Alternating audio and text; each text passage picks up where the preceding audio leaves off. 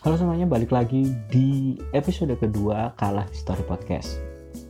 Untuk episode ini, kita masih akan ngebahas tentang wabah penyakit yang melanda di Nusantara. Nah, kalau di sebelumnya kita ngebahas tentang wabah cacar dan juga usaha pemerintah kolonial untuk mengantisipasi uh, penyebaran penyakit tersebut dengan vaksin, maka sekarang kita akan ngebahas tentang penyakit kolera yang melanda di Batavia sebelum kita lebih lanjut ngebahas tentang apa itu kolera dan bagaimana cara dia menyebar dan menyakiti orang-orang di Batavia, kita harus lebih dulu tahu apa itu kolera.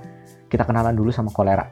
Kolera itu penyakit, ya udah jelas kolera, kolera itu penyakit, dia bukan merek coklat, apalagi nama band gitu ya. Kolera ini penyakit yang menyerang sistem pencernaan, tepatnya di usus halus. Bakteri penyebab kolera ini disebut sebagai bakteri Vibrio cholerae Nah, menurut info yang saya baca dari Halodoc, bakteri ini ditemukan di dalam makanan atau air yang terkontaminasi oleh seorang yang sudah terinfeksi kolera.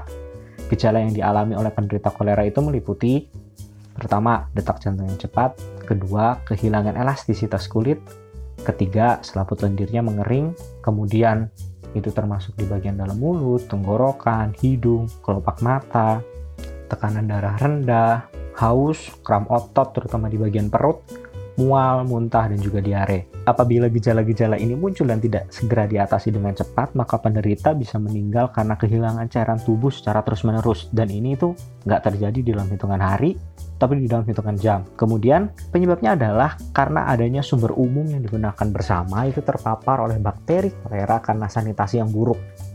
Di dalam beberapa kasus, hal ini disebabkan karena adanya konsumsi kerang mentah, Kemudian faktor penyebab di atas kurang lebih sama dengan apa yang terjadi sama orang Batavia waktu itu. Jadi gini ya, Batavia sendiri itu bukan tempat kolera pertama kali menyebar gitu. Itu juga bukan pertama kalinya kolera pertama kali diketahui sama orang banyak. Kolera sendiri itu pernah masuk dalam catatannya Hippocrates yang kita kenal sebagai bapak dari kedokteran dunia di masa Yunani kuno kolera sendiri itu sebenarnya punya arti kata selokan. Loh, kok bisa ya dia diartikan sebagai selokan? Jadi begini, kolera itu sistem kerjanya adalah membuat penderitanya eh, kehilangan cairan tubuh dengan cepat. Jadi cairan yang ada di dalam tubuh itu dipaksa keluar dengan cepat. Nah, itu bisa lewat muntah maupun lewat buang air besar yang terus-menerus. Dan itu dilihat sama Hippocrates tidak ubahnya seperti sebuah selokan yang mengalirkan air. Nah, hal ini menunjukkan bahwa Hippocrates bisa menyatakan pendapat seperti ini karena dia pernah lihat langsung loh orang-orang yang kena kolera. Walaupun mungkin dia itu lihatnya nggak langsung dalam sebuah pandemi yang besar, mungkin hanya beberapa orang yang dia lihat gitu yang tentang penyakit kolera ini. Kemudian, balik lagi ke topik bahasan awal kita yaitu ketika kolera di Batavia. Kolera itu masuk ke Batavia menurut catatan sejarah itu pada awal abad ke-19. Tapi walaupun sebenarnya catatan ini tidak begitu dipercaya sama peneliti karena mereka punya catatan yang lebih lengkap mengenai kalau kolera itu sebenarnya sudah masuk dari sebelum abad ke-19. Hal ini itu didukung karena adanya pandangan bahwa J.P. Kuhn selaku pendiri Batavia itu meninggal karena sebuah penyakit yang gejalanya sangat mirip kolera dan beliau ini meninggal di tahun 1629. Nah, pandangan inilah yang kemudian makin dipercaya orang-orang kalau kolera itu sebenarnya sudah pernah masuk ke Nusantara sebelum abad ke-19. Tapi kenapa waktu itu kok kolera tidak menjadi sebuah pandemi yang menyebar? Karena waktu itu di Batavia pemukimannya belum terlalu padat masih terpencar-pencar, jadi kolera itu sulit buat menular. Kolera sendiri itu baru menunjukkan taringnya itu tepatnya pada Desember 1819 dan masuk ke Jawa. Penularan ini itu di kolera itu bisa terjadi di Jawa itu karena adanya hubungan dagang di wilayah Malaka.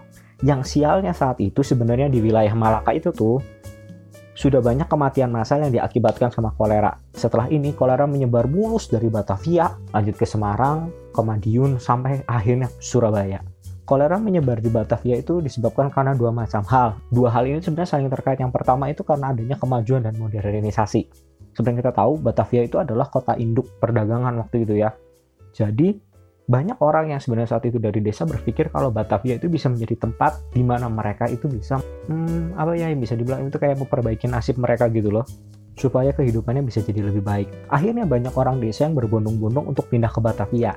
Sayangnya urbanisasi ini itu tidak didukung dengan kehidupan yang layak. Jadi begitu mereka datang ke Batavia itu, mereka itu hidup di rumah-rumah yang didirikan di bantaran Sungai Ciliwung.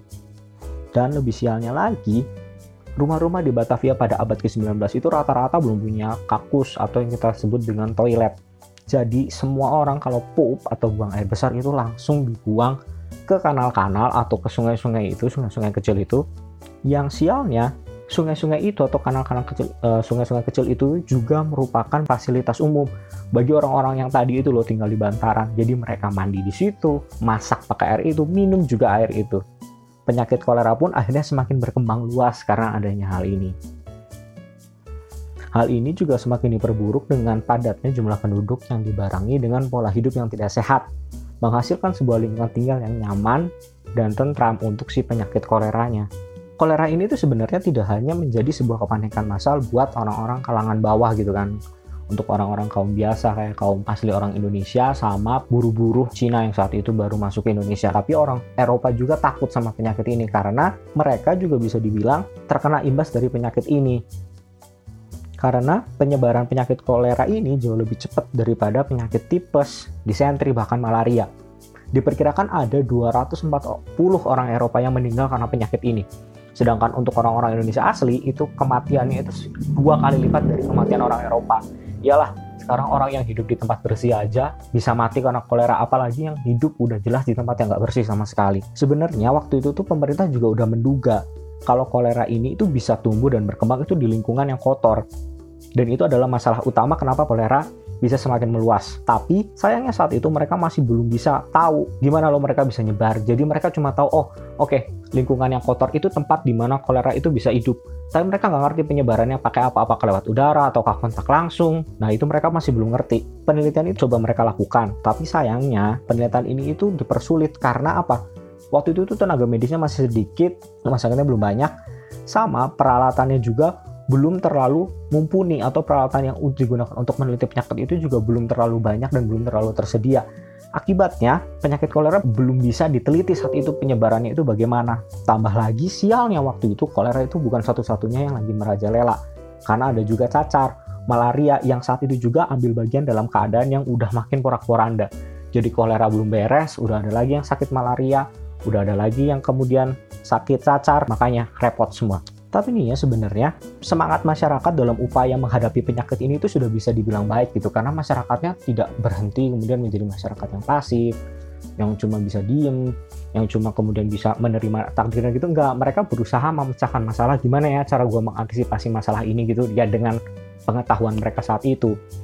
Contohnya untuk para penduduk yang beragama muslim, mereka itu biasanya akan melakukan doa bersama, kemudian minta doa dari kiai-kiai yang terpercaya, kemudian meminum air yang sudah didoakan sama kiai tersebut. Dan untuk beberapa dari mereka juga ada yang kemudian mengadakan ritual tolak bala atau menolak marah bahaya, malah petaka, menolak penyakit. Nah, kemudian dari masyarakat Tionghoa juga punya caranya sendiri gitu. Mereka mengadakan acara massal yang di mana itu isinya akan memanggil barongsai, kemudian barongsai tersebut akan mengelilingi wilayah pecinan atau di mana uh, orang-orang Tionghoa tersebut tinggal sebagai bagian dari perlindungan dari wabah kolera karena mereka percaya kalau barongsai itu bisa membuat kolera ketakutan gitu. Jadi barongsai itu kayak buat penjaganya mereka begitu. Kalau tadi kita sama-sama udah tahu bagaimana cara orang awam berusaha mengatasi penyakit kolera ini gitu kan. Sekarang kita akan lihat dari bagian pemerintah sama dari kalangan-kalangan medis gitu kayak dari kedokteran, perawat, dan juga dari mantri-mantri. Nah, mereka itu melakukan sosialisasi tentang upaya pencegahan kolera gitu. Para dokter yang sudah meneliti dan juga memahami tentang penyebaran kolera, kemudian melakukan edukasi ke masyarakat supaya hidup bersih.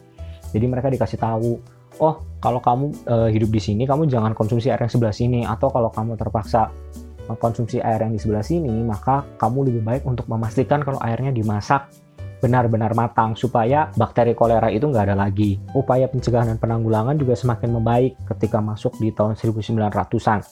Jadi dokter-dokter itu nggak hanya berhenti sampai ke tahapan mengedukasi masyarakat, tapi juga mereka melakukan jemput bola. Apa sih yang eh, dimaksud dengan jemput bola? Mereka itu datang langsung ke wilayah-wilayah yang menurut catatan rumah sakit, yang menurut catatan mereka itu sebagai daerah yang tidak hanya berpotensi terjangkit kolera, tapi juga paling sering kena kolera, yaitu daerah-daerah di bantaran Sungai Ciliwung, daerah di mana tempat tinggalnya orang-orang asli Indonesia sama orang-orang Tionghoa yang baru eh, datang dari Cina. Di situlah mereka melakukan jemput bola. Setelah melakukan edukasi di situ, dikasih tahu, kemudian mereka juga melakukan vaksinasi massal. Nah, benar-benar vaksinasi ini itu dilakukan secara besar-besaran Jadi untuk setiap kampung-kampung yang dipercaya itu tadi uh, berpotensi paling besar untuk terjangkit kolera sama yang paling tinggi kena penyakit kolera. Oh ya, penyakit kolera ini sistemnya musiman. Kalau dia musim hujan dia akan menghilang. Tapi kalau musim kemarau saat air sungai itu mulai sedikit dan mengendap, nah saat itulah kolera sedang menggila-gilanya gitu. Banyak banget orang yang akan kena kolera. Kemudian balik lagi, pemerintah Batavia kemudian melakukan vaksinasi massal. Nah, orang-orang yang diminta melakukan vaksinasi ini adalah dokter Eropa, dokter Jawa dari sekolah dokter Jawa, juru rawat, Bahkan mahasiswa Stovia juga diterjunkan dengan target memvaksin 10 orang sehari. Jadi mereka punya proyek satu hari itu harus ada 10 orang yang divaksin. Dan akhirnya ketika vaksinasi massal itu sudah dilakukan, kolera bisa dibilang lenyap dari Batavia. Karena tadi tidak hanya dilakukan vaksinasi massal, tapi juga pemerintah mengedukasi masyarakatnya. Penyemprotan desinfektan juga dilakukan biar lingkungan uh, bakterinya pada mati. Jadi kolera tidak ada lagi. Nah, jadi untuk menutup kata, terima kasih untuk para dokter yang sudah membuat kolera tidak lagi menjadi momok menakutkan. Kita juga harus belajar dari masyarakatnya bagaimana mereka mau diedukasi. Mereka mau dikasih tahu kalau eh yang kamu lakukan itu jorok dan itu akan berpotensi penyakit buat kamu. Yuk rubah cara hidup menjadi yang lebih baik. Nah, akhirnya ketika masyarakatnya juga nurut, pemerintahnya kerja, wabah kolera bisa disingkirkan. Terima kasih sudah mendengarkan episode kedua dari Kala History Podcast.